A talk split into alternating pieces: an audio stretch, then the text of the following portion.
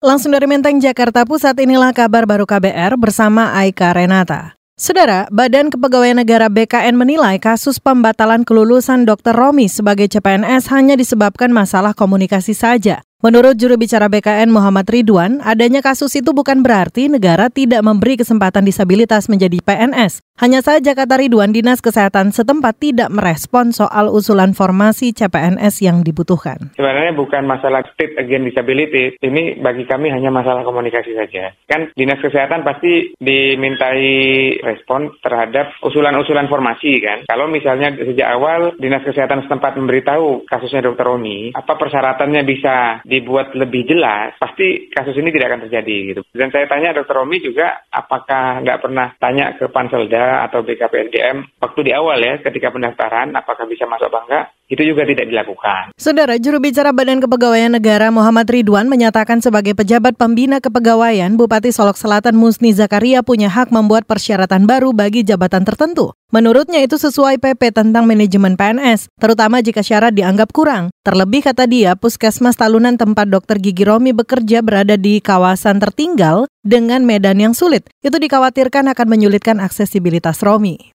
Kita beralih, Menteri Koordinator Bidang Perekonomian Darmin Nasution memperkirakan Uni Eropa tidak akan pernah berhenti menghalangi masuknya minyak kelapa sawit dan produk turunannya. Kata Darmin, hambatan ekspor produk kelapa sawit ke Eropa tidak akan terbatas pada isu dan tuduhan pengerusakan lingkungan serta praktek anti dumping. Kalau dibuka dan diadu, dia mesti kalah. Diapain pun pasti kalah. Sayangnya juga dia nggak bisa nanam kelapa sawit di negaranya, ya. Sehingga ya akhirnya memang terjadi upaya-upaya yang habis-habisan untuk mencoba menahan kelapa sawit ini. Saya ingin menekankan, walaupun begitu, negara maju tidak pernah berani mengatakan melarang kelapa sawit. Kalau dia berani itu benar-benar suatu pelanggaran diskriminasi secara internasional. Menko Perekonomian Darmin Nasution menambahkan produktivitas minyak kedelai hanya 0,4 ton per hektar dan minyak bunga matahari 0,6 ton per hektar. Sedangkan produktivitas minyak kelapa sawit produktivitasnya mencapai 6 hingga 10 kali lipatnya atau 4 ton per hektar. Itu salah satu alasan Uni Eropa terus mencari alasan menggagalkan impor minyak kelapa sawit beserta produk turunannya dari Indonesia.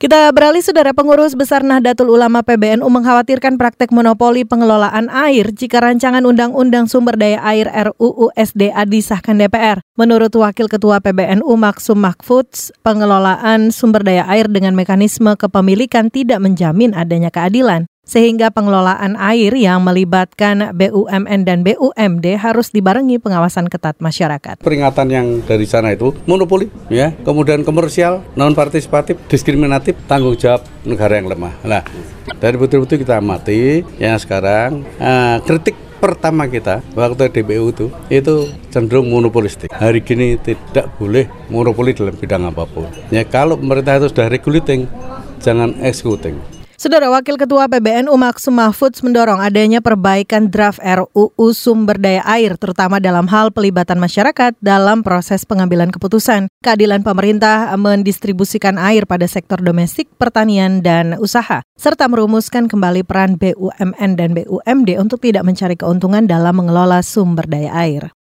Kita menuju informasi lainnya, Saudara Dinas Lingkungan Hidup Jawa Tengah mengklaim lebih dari 1.500 perusahaan berpotensi menghasilkan limbah bahan berbahaya dan beracun B3 yang berpotensi merusak lingkungan. Perusahaan itu antara lain perusahaan tekstil, makanan, dan kimia. Kepala Bidang Pengelolaan Sampah Limbah B3 Jawa Tengah Triastuti menyatakan perlunya upaya pencegahan meminimalisir kerusakan lingkungan akibat limbah B3. Demikian kabar baru dari kantor Berita Radio KBR, saya Aika Renata.